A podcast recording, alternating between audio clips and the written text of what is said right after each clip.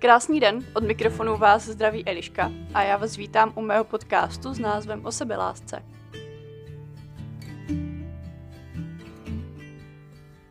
V tomhle podcastu si povídáme především o, jak už jste asi z názvu poznali, o sebelásce, o seberozvoji, o vztazích a obecně je to spíš to, co mi v životě pomohlo a co jsem se třeba dočetla v různých knihách, které čtu možná tak od desíti let, takže docela dlouho. Taky jsem z psychologie maturovala, ale to mě nějak netituluje psycholožkou nebo něčím takovým.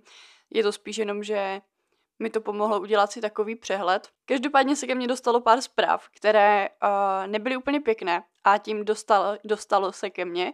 Myslím to, že je někdo poslal někomu jinému a ne přímo mě. To mě dost naštvalo, ne obsah těch zpráv, ale spíš to, že to lidi nenapsali přímo mě.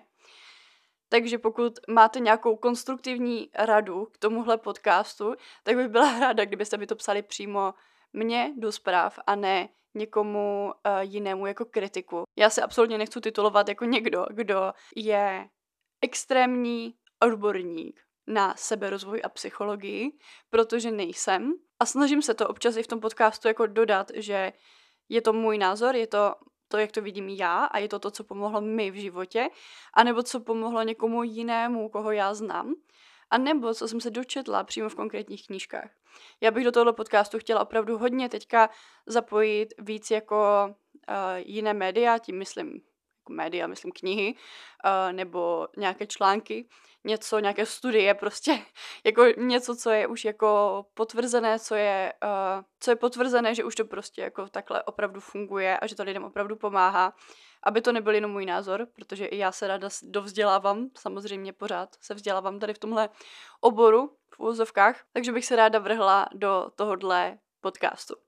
Ještě budu ráda, když mě budete sledovat na Instagramu přímo sebelásky, protože tam přidávám content, který je hodně podobný tady tomuhle kontentu, samozřejmě logicky asi. A pokud se vám tady tenhle podcast bude líbit, tak budu ráda, když budete odebírat jak už Spotify, nebo třeba YouTube, nebo Apple Podcast, záleží, co je vám nejbližší jako platforma. Tenhle díl bude, jak už jste asi z názvu poznali, o lásce, o partnerské lásce, obecně o lásce, taky je to vlastně jedna část názvu a mám ho docela dobře rozebraný, tak si myslím, že to bude na docela dlouho. Uvidíme, jak dlouho tady budu nahrávat. Jdeme na to. První věc, kterou si musíme ujasnit, je, co je to vůbec láska. Já jsem uh, nevěděla, jak to pojmout, takže jsem prostě neďukala do Wikipedie láska a vyskočilo, vyskočila mi prostě jednoduše definice a tím pádem celé to vysvětlení, co se týče toho, co je láska, mám doopravdy z Wikipedie, ale rozšířené prostě o moje znalosti, takže to zase není jenom CTRL-V, CTRL-C. Láska označuje silný pozitivní vztah, náklonost, oddanost nebo touhu a může se lišit buď tím, jaká je to láska, anebo ke komu ta láska vlastně je. Můžeme ji rozdělit buď na interpersonální, což znamená nějaké konkrétní osobě, anebo k něčemu jinému, jako neosobní. Do té neosobní a počítáme vlastně úplně cokoliv, co se netýká jednoho konkrétního člověka, jak jsem před chvilkou řekla. Jako že je to třeba jídlo, Bůh, nebo obecně jako božstvo, nějaká víra, vlast, zvíře a je to většinou bez nějakého sexuálního podtextu. Ale samozřejmě my se tu dneska budeme bavit o té osobní mezilidské lásce a tu samozřejmě taky nějak rozdělujeme, protože necítíme stejnou lásku k partnerovi jako ke svému rodiči třeba. Samozřejmě nejznámější láska je pro nás asi ta partnerská a o té dneska samozřejmě budu mluvit nejvíc. A to se jedná o pevný vztah plný důvěry, vzájemné znalosti a spíš se jedná opravdu o takové jako pevné přátelství, provázený uh, sexem a obecně prostě tou fyzickou přitažlivostí. V nejlepším případě jde o takové jako citové zpříznění. To znamená, že jste jak fakt ty zpřízněné duše. Což třeba já si jako troufám říct, že s Lukášem máme. A to si čím dál víc uvědomuji a o tom budeme mluvit zase v jiném podcastu. Ale cítím to tak. Další je samozřejmě mateřská láska nebo, neboli příbuzenská. což je nezištná, bezpodmínečná láska, charakteristická péči o druhého a o starost o toho druhého, je bez sexuálního podtextu, což snad dává smysl. A já bych tady možná ještě přiřadila, že jde i o takovou jako, jakoby kamarádskou lásku. To znamená, že cítíte prostě k někomu přesně tady tohle všechno, že chcete o toho člověka pečovat, že ho máte rádi, že vám na něm opravdu hodně záleží, ale fyzicky vás prostě nepřitahuje. Takže to je bez té, bez té fyzické přitažlivosti. Někdo to nazývá platonickou láskou, někdo to zase nenazývá platonickou láskou, tam těch definicí bylo asi bambilion, takže jsem to prostě přiřadila sem a nebudu to definovat jako platonická láska. Další druh lásky je vlastně zamilovanost, což je emoční stav a vyznačující se touhou a nějakou závislostí na tom, do koho jsme zamilovaní nebo do čeho jsme zamilovaní. Člověk v tu chvíli přehlíží chyby a idealizuje si toho druhého člověka nebo tu danou věc. A je to úplně typické na začátku vztahu, protože prostě máte mozek zaplavený hormonama a jste zamilovaní, přehlížíte to. A já vždy říkám, že tam, kde vlastně končí zamilovanost, tak tam začíná skutečná láska a na té skutečné lásce se musí pracovat když vás, když se jako odplaví ty hormony, tak na té lásce prostě je potřeba pracovat na tom vztahu. A já to tak vnímám i vlastně u mě s Lukášem, protože když jsem, když jsme byli spolu chvilku, já jsem byla jako fakt, fakt hodně zamilovaná a neviděla jsem spoustu věcí, které mi třeba i ostatní říkali, že nejsou dobře. A na druhou stranu, ono tím, že jsme na té lásce na tom vztahu začali pracovat opravdu od začátku. Myslím i takové věci jako co komu vadí, jakým jazykem lásky kdo mluví, tak potom opravdu, když jako odplavala ta uh, hormonální zamilovanost, tak zůstala prostě opravdu jenom ta láska, i když to tam mělo trošku takový jako hrbol, takových pár hrbolků, než se to překlonulo v tu bezpodmínečnou uh, lásku, kterou prostě můžeme teďka nazývat opravdu bezpodmínečnou láskou. A poslední dělení, co tu mám, je láska k idolu. Což je asi zjevné, je to jednostraná a může uh, mít i sexuální podtext, ale nemusí. A je to prostě o tom, že člověk zbožňuje jinou osobu a je to úplně jedno, uh, kdo to je, může to být příbuzný, může to být celebrita, učitel, kdokoliv, kdo mu prostě imponuje tomu člověku. Jak vnímám lásku já? Tady tohle jsem si napsala teda dřív, než jsem vůbec koukala na tu Wikipedii, takže je to bez poskvrnky nějakých definicí. A já ji obecně vnímám jako soubor pozitivních emocí k někomu jinému. A je to jedno, kolik těch emocí je, anebo uh, co je to za člověk nebo za věc. Hlavně, především, ji vnímám jako něco, co nejde ztratit. To znamená, že když už mi na tom člověku jednou záleží, tak už mi na něm prostě záleží navždy. A podle mě se ta láska vždycky jenom překlopí prostě v něco jiného. Člověk podle mě nikdy nepřestane milovat a pokud jako ano, pokud cítí, že se ta láska vytratila, tak to za mě nebyla pravá láska, ale třeba jenom ta zamilovanost. A nebo nějaké poblouznění a nebo určitý druh závislosti na tom druhém. O tom se budeme za chvilku taky bavit. Takže proto si myslím, že to je něco, co opravdu nejde ztratit. Taky za mě láska znamená komunikace, důvěra, pak samozřejmě ta fyzická přitažlivost, nějaká intimita, ať už fyzická nebo citová, a určitá taková jako nepotřeba projevování se jako já jsem nejlepší. Protože to ego jde prostě do, post, do ústraní v tom, když máte někoho jiného, tak víte, že jste prostě úplný, že nepotřebujete si tady jako dokazovat na tom někom jiném to svoje ego. Samozřejmě takhle vnímám tu partnerskou lásku, ale obecně vnímám lásku dost stejně, ale bez těch fyzických přitažlivostí a tak. To znamená, že tam za mě je důležitá právě ta komunikace, důvěra a ta určitá nepotřeba projevování se. Já jsem nejlepší.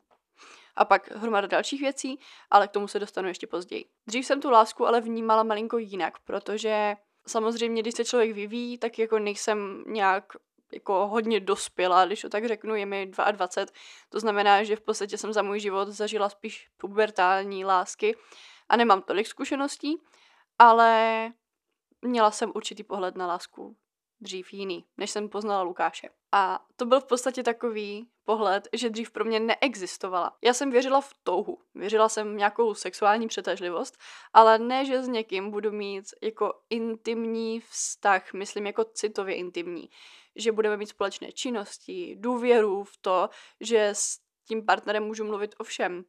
A myslela jsem si, že stačí, když si najdu někoho, s kým si prostě budeme rozumět v posteli a budeme mít v sobě, k sobě, pardon, zájemný respekt. A to jsem ještě netušila, co přijde a že vlastně láska a to partnerství je strašně jako složitá věc, ale jako mega krásná, protože já jsem netušila, jak se na tom dá pracovat. Já jsem vždycky myslela, že když už někdo takový je, tak už takový bude, ale netušila jsem, že nejenom, že člověk může pracovat na sobě, ale i na tom vztahu těch dvou lidí. A to mi přijde prostě krásné. Co by podle mě měl obsahovat zdravý vztah? Opět protýkám podle mě, každý to může mít trošku jinak. Hlavní věc, kterou podle mě musí ten vztah obsahovat, je důvěra. A myslím takovou důvěru, ať už má kolik kamarádek chce ten kluk. Jakože fakt prostě důvěřovat mu. Věřím, že mě nepodvede a nepotřebuju si to pořád ověřovat a věřím taky v to, že dělá své maximum, uh, co on v tu chvíli dokáže. To znamená, uh, dejme tomu, když je kluk bordelář, což Lukáš je, tak já věřím, že on dělá úplné maximum, co v tu chvíli dokáže, aby po sobě třeba uklidil. To znamená, že i když to neudělá, tak já věřím v to, že udělal úplné maximum. K tomuhle jsem, prosím vás, musela dojít, jo. To není jako, že bych si hned od začátku vztahu říkala, věřím, že i když teďka dělá binec, tak si to po sobě vždycky uklidí. Ne, já jsem ho buzerovala, já jsem byla strašná stíhačka, je pravda, že asi ještě pořád jsem, ale to spíš protože už vím, že opravdu, když chce, tak dělá maximum i víc. Doufám, že mi rozumíte, uh, prostě jsem k tomu musela dojít. Prostě důvěra. Další věc, kterou by měl vztah obsahovat, je vyváženost. Ve všem. Jak ve financích, tak třeba v trávení času s ostatními lidmi. Nebo alespoň stanovení, stanovení hranic a komunikace v úvozovkách, kdo co dělá. To znamená, že třeba my, my s Lukášem to máme tak, že Lukáš vydělává momentálně víc peněz, také protože má v úvozovkách rozjetou kariéru, uh, prostě jenom dlouho pracuje na jednom místě a stará se o naši přítomnost, stará se o naše bydlení, o celou tady tuhle finanční stránku a já pracuji na projektech a obecně prostě na té naší budoucnosti. To neznamená, že já nic nevydělávám, ale prostě máme to tak, že kdykoliv já mám třeba výčitky z toho, že Lukáš vydělává víc peněz, tak já si prostě řeknu, jakože, ale já taky pracuju a pracuju možná i víc hodin než Lukáš, ale pracuju prostě na něčem, co jak já vždycky říkám, co Lukášovi zajistí, že on nebude muset jednou chodit do té práce. Snad se rozumíme. Další věc, kterou by měl podle mě vztah obsahovat, je komunikace. To znamená umět mluvit s tím druhým o svých pocitech, co mu chybí, co mu dělá radost taky a hlavně to ale je i naslouchání tomu druhému. Nejenom, že vy umíte mluvit, ale zároveň musíte i vy umět naslouchat a brát v potaz to, co on říká. Mně se třeba s Lukášem stala jedna situace, úplně na začátku vztahu. Já si to pamatuju, že jsem byla na intru a Lukáš mi něco přivezl, teď si nejsem jistá co, a přivezl mi čokoládu a pastelky. Já jsem si vůbec nepamatovala, že bych mu řekla, že mě štve, že mám omalovanky, já jsem měla mandaly, které jsem malovala, a že je maluju fixem a že to je na prd. Já si ani nepamatuju, že jsem mu to řekla. Já si jenom pamatuju, že mi to fakt strápilo. Ale asi jsem mu to řekla, protože on mi prostě koupil pastelky. to znamená, že naslouchá. I, I když je to taková blbost, ale jde vidět, že prostě opravdu poslouchá a pamatuje si všechno, i když vypadá, že ne. A další věc, kterou by měl podle mě vztah obsahovat, je dostatek kvalitního času na sebe navzájem. To znamená, že nejen, že spolu vlastně sedíte v jedné místnosti, ale že ten čas trávíte aktivně spolu. Třeba, že si povídáte, chodíte na výlety, filmy, hrajete nějaké společenské hry třeba, nebo máte nějakou společnou práci nebo podnikání, prostě něco, co vás oba nabíjí. Další věc je, uh, že by ten vztah neměl obsahovat žádné výčitky nebo žádlení. Podle mě by ten vztah měl být tak plný těch pozitivních emocí, že na ty negativní v té hlavě prostě už není místo. Nevím, jestli mi správně rozumíte. Tohle je zrovna jedna z věcí, kterou neumím asi lépe popsat, jak ji myslím.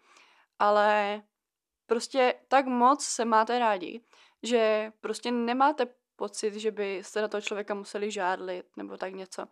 Já vím, že spoustu věcí, které tady říkám, tak kdo mě zná osobně, tak se teďka jako může třeba říkat, no jo, ty máš co říkat, protože já jsem zrovna člověk, který je poměrně žádlivý, ale já jsem si spoustu tady těchto věcí nahradila jinou emocí.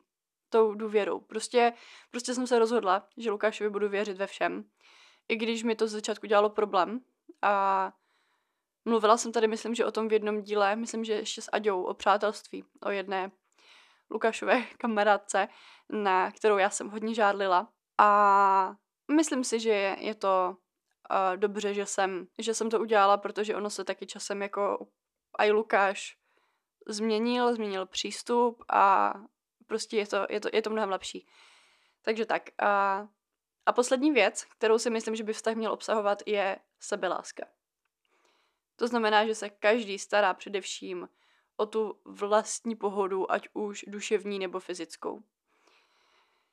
Já si třeba uh, první což je taková jako drobnost, ale je to velmi praktická ukázka, a praktický příklad. Než jdu chystat Lukášovi jídlo, tak se první najím já, pokud dělám teda různé jídlo. To znamená, že pokud je to možné, protože jelikož já jím maso Lukáš, no já nechci, abych dělala maso na pánvičce, na které později budu dělat jeho jídlo, samozřejmě pokud jim mezi ním neumiju, tak většinou dělám první jemu, pak sobě.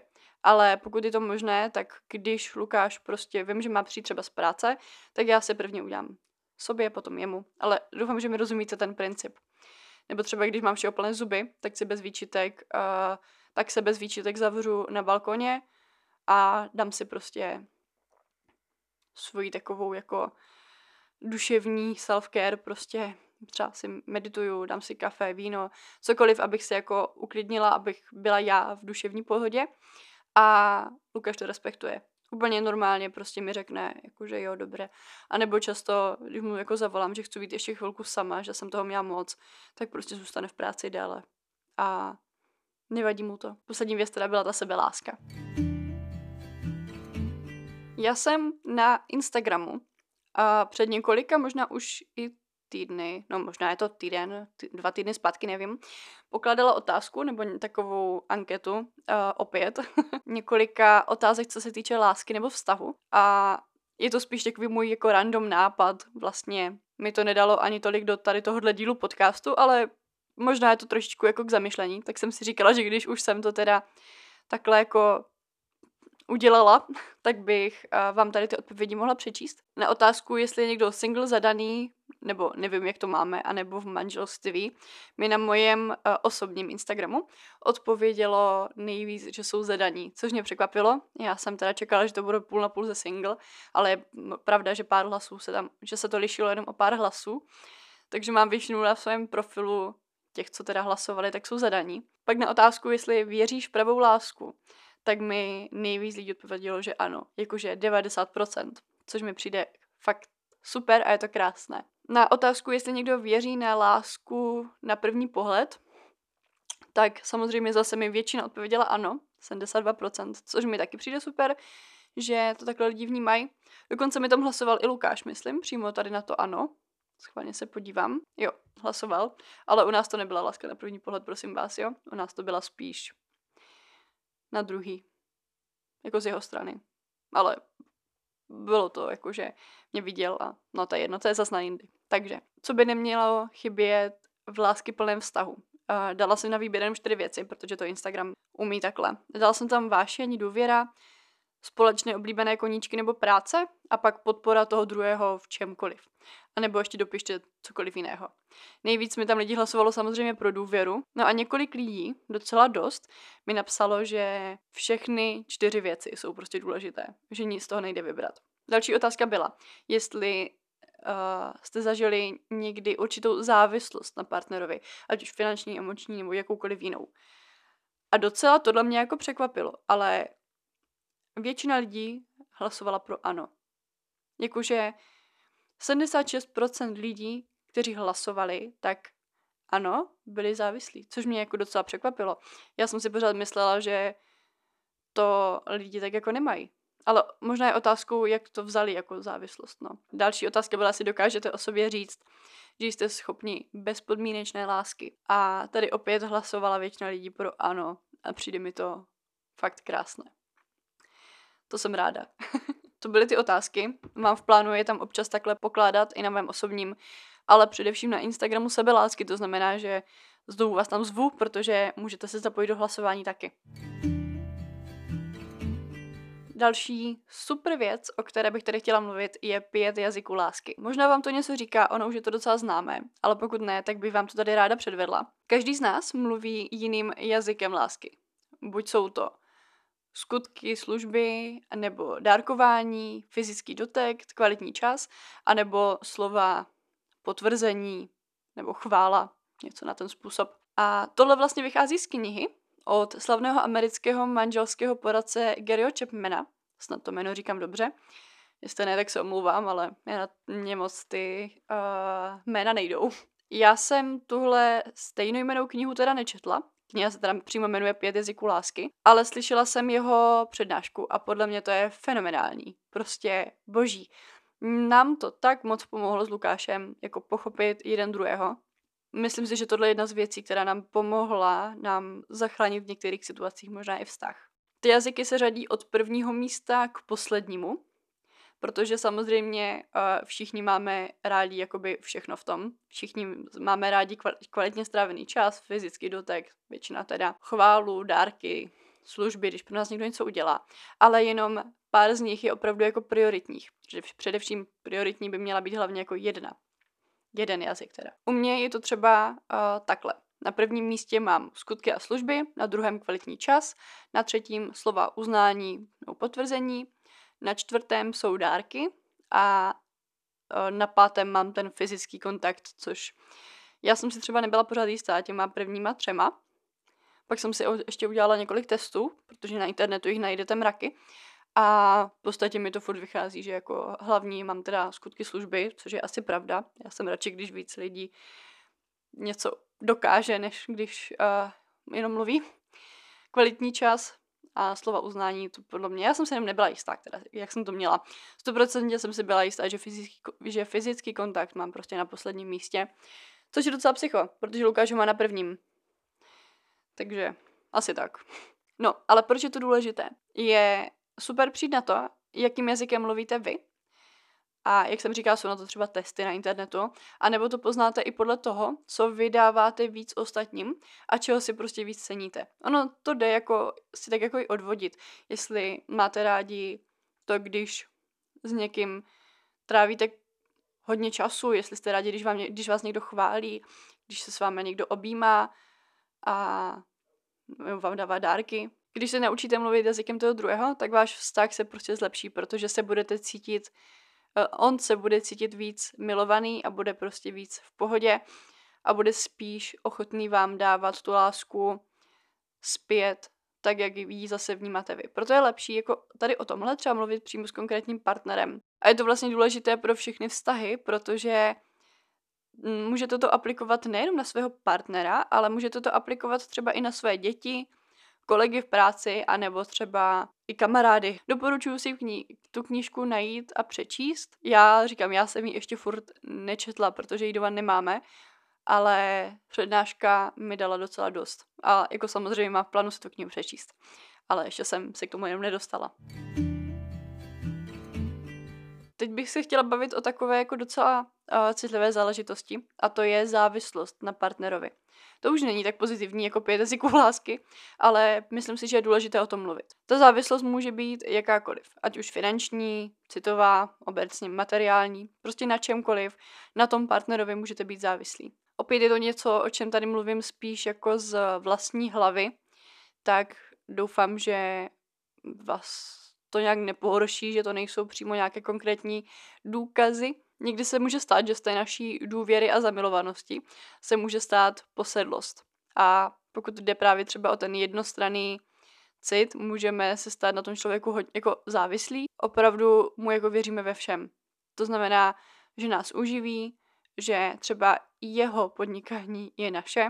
To znamená, že kdo je na listu živno, živnostenském, tak, tak je to jeho podnikání. Doufám, že, mi, že mě chápete, že to není takže vy byste měli podnikání. To říkám, protože jsem viděla ve svém životě několik situací, kdy manželka byla, no, pomáhala svou manželovi v podnikání a jakmile oni se vlastně rozvedli, rozešli, to je jedno, jo, i partnerka, to nemusí být manželka, tak ona vlastně musela hledat práci, protože byla vlastně závislá na tom, že dělali jednu věc společně. Jenom. Takže uh, to je ta materiální věc, ale podle mě mnohem důležitější je mluvit o té emoční nebo té citové závislosti, protože ta je mnohem častější a taky se hůř poznává. Když jsem se nad tímhle zamyslela, tak první, co mě vlastně napadlo, tak bylo to, že lidi málo milují sami sebe. A proto jsou závislí vlastně na té dávce té lásky od někoho jiného, protože mají pocit, že jsou víc někdo, když je někdo jiný miluje. Spíš je to asi o tom, že ti lidi milují ten pocit, že jsou milovaní, a ne toho člověka. Pak je to ještě druhá věc. A to je závislost takzvaného upíra na své oběti. Energetický upír, neboli prostě nějaký toxický člověk, je osoba, která z vás dokáže vysát veškerou energii. Já jsem tady o tomhle mluvila v jednom z předchozích podcastů, ještě i s Aďou. A ten podcast, myslím, že byl o přátelství. A tam jsme mluvili i o těch toxických lidech. Já když jsem tady tenhle díl zpracovávala, tak jsem si vzpomněla na jednu kapitolu v knize, kterou právě teďka čtu. A říkala jsem si, že než abych to přepisovala nebo z toho jako jenom vypisovala nějaké body, tak jsem si říkala, že bych vám celý ten odstavec o, přečetla o té závislosti upíraná oběti, protože mi to přijde skvělé a dobře napsané. Někdy k sobě přitahujete konkrétní typ energetických upírů, protože si oba potřebujete zpracovat stejné emoční problémy. Navážete tedy nezdravý vztah, v němž se vzájemně opakovaně zraňujete. Zároveň vás to psychicky uklidňuje, protože tento vzorec chování oba znáte a jste už na něj zvyklí. Stanete se závislými na toxickém člověku a nedokážete ten vztah ukončit. Uvíznete ve zraňujícím bludném kruhu. Uvedeme si příklad. Protože máte nízké sebevědomí, přetahujete typ lidí, kteří vás kritizují. Kritizující člověk zase přitahuje typ lidí, které může ponižovat. Dávejte si pozor, abyste nepodporovali tyto zraňující vztahy. Ať už jsou tito lidé vaši přátelé, spolupracovníci, partneři či kdokoliv, vnímejte setkání s nimi jako pobídku, začít si uvědomovat své šrámy na duši a vylečit je. Pak dokážete z podobných vztahů odejít a vytvořit si nové, které vás budou více naplňovat. Trošku to souvisí s tím, co jsem říkala předtím uh, o té sebelásce, uh, o té nízké míře té sebelásky sami, sama, sami k sobě. a myslím si, že tady to krásně uh, Judith Orlov vlastně popsala. Je to teda z knihy Průvodce pro vysoce citlivé lidi, která je podle mě ale skvělá i pro kohokoliv jiného. Jsou tam věci, které jsou teda konkrétní jenom pro vysoce citlivé lidi, ale jsou tam věci i tak jako obecně podle mě, co by mohly někomu pomoct. A co se týče těch toxických lidí nebo ty, těch toxických vztahů, tak o těch toxických osobách jsem už v tomhle podcastu obecně mluvila, to jsem říkala před chvilinkou o, v tom díle o přátelství. Ale tady bych možná ráda zmínila druhy toxických osob, které jsem předtím neznala, nemluvila jsem asi o nich. A je to z téhle úplně stejné knihy, dokonce ze stejné kapitoly, jako ze které jsem teďka citovala. Judith Orlov definovala sedm typů a mně to přišlo prostě úplně super. Takže jdeme na to. První typ je narcista. Ten se chová, jako by se svět točil kolem něj a potřebuje stále být středem pozornosti a potřebuje neustálou chválu, trpí poruchou nedostatkou empatie a umí být velmi přesvědčivý a charismatický a přitažlivý. Na jednu stranu se chová sebestředně a na druhou, když jde jako do tuého třeba rozchod, tak je najednou takový jako empatický a milý, nebo chápavý, milující. Což ale se bohužel často vrací potom zpátky k té sebestřednosti. Takže to není právě dobře. A bohužel já jsem v takovém vztahu teda byla, ale o tom řeknu uh, úplně na konci tady tohle podcastu. Tito lidé se navzájem přitahují právě s lidmi, kteří mají srdce na dlani. a proto je lehčí je zranit. To je i to, o čem jsem mluvila před chvilinkou v té citaci. A je toho o tom narcistovi mnohem víc, ale to bychom tu byli dlouho, takže se dostanu k dalším uh, lidem. Doporučuji si možná přečíst tu knížku, tam jsou tady tyhle typy krásně popsané. Druhým typem je teda cholerik, a to je člověk, který se snaží ovládat druhé. Konflikty řeší obvinováním a takovými jako útoky, jsou většinou hluční a obecně si prostě vyvíjí hněv na ostatních. Třetím typem je oběť. To znamená člověk, který z vás vysaje prostě všechnu energii tím, že si pořád budou stěžovat a mluvit o tom, jak je svět proti ním, jak je celý svět proti ním. A vždy příčinou potíží je někdo jiný. A musí se s nima pořád něco řešit. Ono, tady tohle, možná co popisuju, teď jsem si tak jako uvědomila, tak jsou to i typy manipulátorů. Nebo jako, je to typ manipulátora.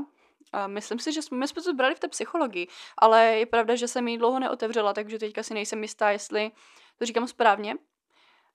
A možná se na to potom podívám a dám vám to když tak na Instagram. Dalším typem je emočně nestabilní osobnost. Což znamená, že ten člověk vystavuje okolí neustálým dramatům. Stále mění své plány, prožívá obecně prostě situaci velmi emotivně a pořád si taky stěžuje. To znamená, že věc, která by byla drobná, tak on ji udělá jako obrovskou a teď prostě člověka to jako vysává, prostě když musíte pořád s někým něco řešit, jako povídá třeba i různé jako storky o tom, co se mu zase jako tam stalo a teď dělá takové jako drama kolem toho. A nevím, jestli to správně vysvětluju, ono to v té knížce bylo tak jako zvláštně vysvětlené, bylo tam hromada příkladů, ale doufám, že jste mi pochopili. Pátým uh, typem je manipulátoři a kritici. A to jsou lidi, kteří dávají nevyžádané rady a nezajímají se o to, jestli vy vlastně jejich názor vůbec jako chcete slyšet. Neustále kritizují a schazují vás vlastně ve všem, co děláte. To znamená, že tohle by si měl udělat líp, tohle si udělal špatně a prostě mluví, mluví, mluví a nezajímají se o to, jestli vlastně vy vůbec ten, tu radu chcete a potom vám, vás tím vlastně schazují.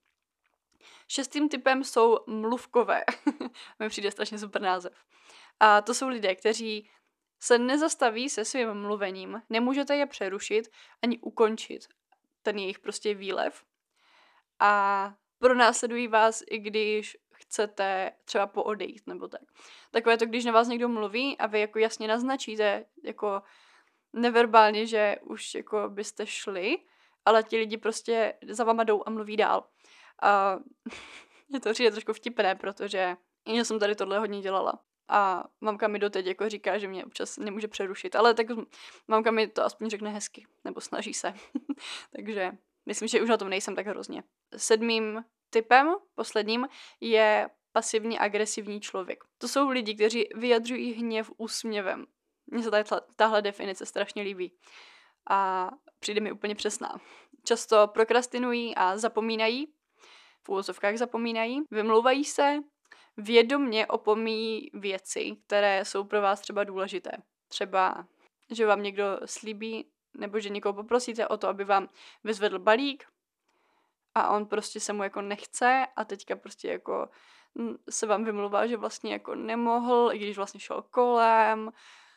No, pasivně agresivní lidi. Já, já nesnáším takové lidi. Jako fakt.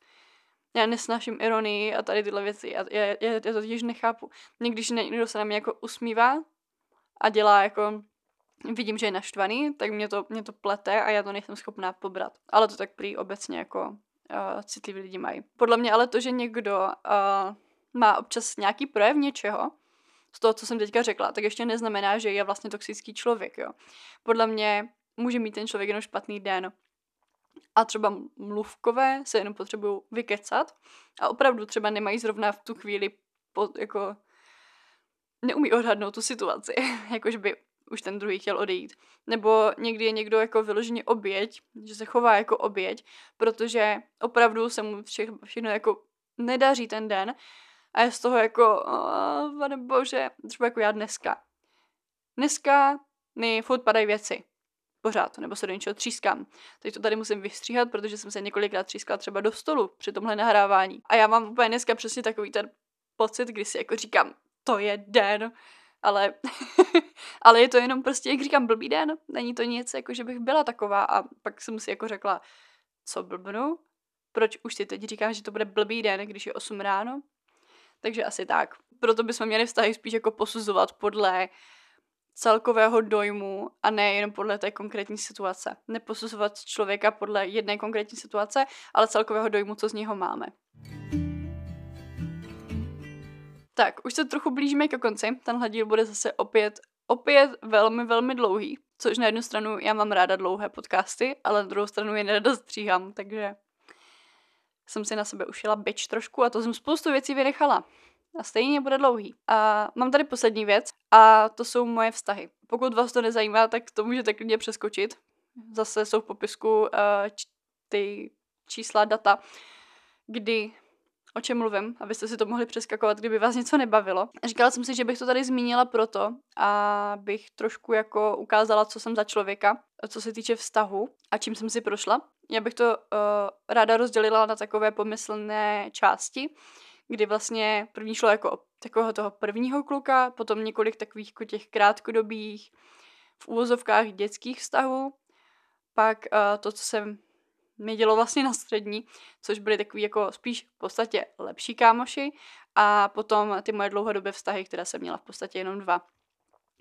A začnu teda tím prvním klukem, toho jsem měla už v jedenácti, a což se může zdát teda jako brzo, ale my jsme byli spolu tak rok a půl a doteď jsme prostě skvělí přátelé. Moje mamka měla ráda jeho mamku a obecně to bylo... Měli jsme i trošičku podobné osudy, si myslím, ale jenom malinko.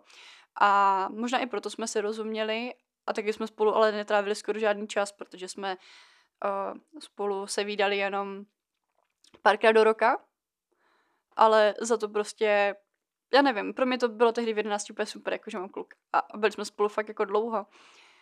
A bylo to fajn. Z tohohle stavu jsem si toho vlastně tak moc ani jako neodnesla, protože jsme opravdu byli malí a což je asi pochopitelné.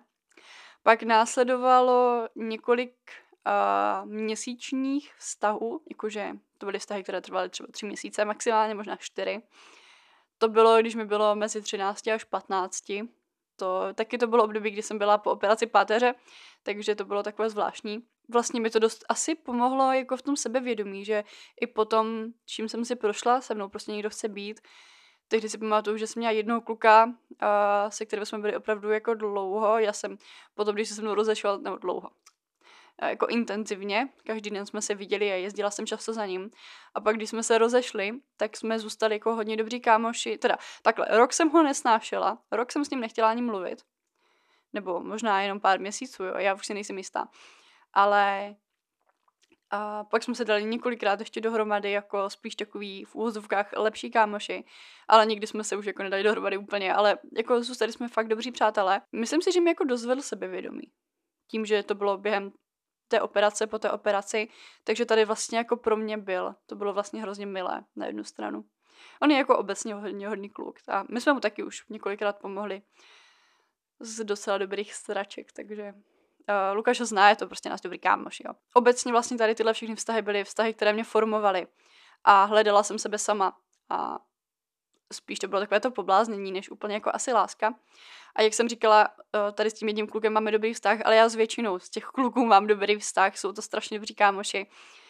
A bohužel teda jeden uh, před několika lety zemřel. A to mě dost vzalo. I teď, když o tom mluvím, tak cítím knedlík v krku. Je to hrozně nepříjemné. A drsné bylo, že jim s tím jsme byli jako hodně dobří přátelé a myslím si, že by nám to jako hodně dlouho vydrželo. Zrovna jsme byli v takové fázi, kdy jsme se v úvozovkách dávali tak jako dohromady jako kámoši zase, protože jsme se dlouho neviděli předtím kvůli školám a tak. No a pak prostě těsně předtím, než jsme spolu začali fakt trávit čas, tak um, prostě už to není. Pak jsem v prváku měla spíš několik takových, jak jsem říkala, lepších kamarádů. Nikam to dál nevedlo. Ale bylo to hrozně milé, protože to byli prostě kamarádi A já jsem se v tu chvíli cítila nejlíp, protože já jsem asi ani jako nechtěla vztah, ale cítila jsem se naplněná. Cítila jsem se sama sobě, jsem sama k sobě, jsem obecně prostě cítila opravdu velkou lásku. A bylo to, bylo to hrozně fajn. Jakože nebyl to vztah, ale byla jsem ráda, že jsem se tak jako mohla hledat a bez výčitek prostě se s někým ukazovat na veřejnosti a chodit někam. A někdy jsme s těma klukama nezačali doopravdy chodit, ale přitom to bylo prostě milé. Myslím, že mi taky tyhle věci hodně zvedly sebevědomí. Během teda prváku, to jsem ještě chtěla říct, že tam jsem měla ještě jeden vztah, ale to byla spíš možná zase taková zamilovanost, jo, to bylo, že jsem byla do něho úplně totálně poblázněná. A je pravda, že mě hodně ranilo, když jsme se rozešli. Měla jsem to hodně neuzavřené. Pak jsem vlastně v prváku začala chodit s klukem, který byl o pět let starší než já. Ahojte, zase vás zdravím ze střižny. Nebyl to prvák, ale byl to druhák. Já nechápu, že jsem se toho nevšimla, takže pardon. Můžeme pokračovat. Byl to docela bohem, jsem stejně napsala. Nevím, jak jinak to lépe vyjádřit. Dost pil. Taky hodně pracoval, miloval svoji práci, nebo teda spíš podle mě miloval, že z toho měl dobrý prachy. Nevím, už si to moc nepamatuju. A většinu času, teda když už jako přijal z těch montáží, tak jsme trávili spolu třeba v hospodě. A nebo v posteli, nikde jinde. Hospoda, postele. Hospoda nebo postel, nic mezi tím. A byl to spíš takový jako dost destruktivní vztah. Nevím, jak jinak bych to lépe vysvětlila, ale zkusím to. Byl to přesně ten člověk, na kterého sedí, že je vlastně narcista a manipulátor. A já jsem byla vlastně dokonalá oběť, protože jsem byla neskušená, měla jsem srdce na dlani a zrovna jsem tak jako někoho hledala. Nebo spíš jsem tak jako jířila, ale zároveň spíš jsem tady do toho vztahu tak jako spadla, než že bych si jako řekla, že s ním chci být. Ale já jsem se do něho zamilovala. Opravdu byla jsem s ním třeba rok a půl a myslím si, že to byla dost dlouhá doba na to, aby ta láska prostě uh, se rozvinula. Neviděla jsem spoustu těch věcí, no to byla pravda. Pak jsem mi začala vidět, ale pořád jsem ho milovala a nemohla jsem prostě odejít. Ale to je možná ten druh té závislosti. Každopádně, z mého pohledu, ale to vy, jako vypadá tak, že jelikož mi na něm ale pořád záleží, i teď, i když už spolu vlastně vůbec nemluvíme, občas jako přemýšlíme tím, jak se má, že bych mu chtěla třeba s něčím pomoct, s tím, s čím si třeba prochází, tak prostě podle mě vypovídá o tom, že to nebyla jenom nějaká zamilovanost nebo poblouznění nebo závislost, ale že to z mojí strany byla opravdu láska a že se prostě tím rozchodem jenom tak jako přetvořila. Nebo nejenom rozchodem, to už nějakou dobu bylo trošku přetvořené. Každopádně uh, já jsem jako pochopila, že on byl teda závislý i na mě, protože jsem pak slyšela, co se s ním dělo po rozchodu, nebo to, jak se choval po rozchodu. Tak to bylo jako drsné. Já z tohohle vztahu teda mám hodně různých emočních šrámů, ale já jsem to tady už v nějakém dílu říkala, že čím máte hlubší to údolí, tím potom silnější jste, protože se musíte z něho vyhrabat. Já jsem měla opravdu situace, kdy jsem uh, zrovna to takhle, já jsem tady s tím klukem byla zrovna ve chvíli, kdy vlastně umřel ten kamarád, ten můj bývalý vlastně, další vlastně kamarád, to bylo šílené destruktivní období, kdy ještě i on měl nějaké problémy, potom už i s alkoholem a já vlastně taky, takže uh, mě ten vztah, vztah mě postupně uh, úplně ničil. Ale díky tomu, že jsem kolem sebe měla pár lidí, kteří mi dokázali pomoct, ne, že by mi jako říkali, co mám dělat, ale dokázali mi dát najevo, že já jsem někdo i bez něho, i bez toho mého teď už bývalého, tak já jsem dokázala si jako zvednout prostě to sebevědomí, a řekla jsem si, ale já se dokážu uživit sama, protože samozřejmě on většinu věcí platil. A já už jsem byla přesvědčena, že se odstěhuju sama. Já jsem předtím byla na intru, ale chtěla jsem, já jsem s ním ani nechtěla bydlet a v tu chvíli mi tyhle věci začaly docházet a já jsem dokázala odejít. A bylo to, bylo to drsné, no. Ještě husté je, že já jsem v něm vlastně to dobro viděla, i přes tu jako závislost na něm, jsem pořád viděla to dobro, i s tím, co mi všichni říkali. Já prostě věřím, že já do těch lidí vidím a v něm jsem viděla dobro. Ale tak moc se choval destruktivně, že to se nedalo vydržet. Pak se objevil Lukáš, ale o tom vám povíme jindy, právě společně s Lukášem, v jedné speciální epizodě, kterou chystáme. A ta by měla výjít, myslím, že za dva týdny. Snad to říkám dobře, myslím, že to tak mám naplánované, že za dva týdny by měla víc epizoda o našem vztahu, protože uh, vyjde na naše výročí. Sice tyhle podcasty vychází v pátek, ale tady tenhle vydám ve středu, protože půjde o naše výročí a výročí svatby, tak. Já vám moc děkuju, že jste doposlouchali až sem. Já nemám ani představu, jak tahle epizoda bude reálně dlouhá, protože už teď vidím, že má hodinu a něco. To znamená, že to možná může mít nějakých 45 minut, možná i víc. Další díl, který vyjde, bude speciál. A bude to rozhovor s jednou mojí kamarádkou, kterou jsem teda, se kterou jsem byla domluvená už dlouho, že ji pozvu uh, na YouTube na rozhovor, ale nakonec uh, jsem začala nahrávat podcast, takže ji pozvu přímo sem. A bude to rozhovor o panické poruše a dalších nějakých psychických problémech, kterými se vlastně prochází a které se mohou týkat kohokoliv z vás. A já jsem opravdu vděčná za to, že moje pozvání přijala a že se tady o tohle podělí. A tímhle bych chtěla, chtěla začít právě trošku uh, zvát lidi i tady do toho podcastu, aby jsme dělali právě nějaké rozhovory o konkrétních nějakých psychických tématech, abych si i já třeba zvětšila obzory, když to tak řeknu, a abych dokázala víc prostě předat věci nejenom mojimi slovy, ale aby tady byl i někdo jiný. Moc vám děkuji za poslech, zdroje jsou v popisku a já se teda na vás budu těšit příští týden, což by měl být teda ten rozhovor. Tak si mějte krásně a pěkný víkend. Ahoj!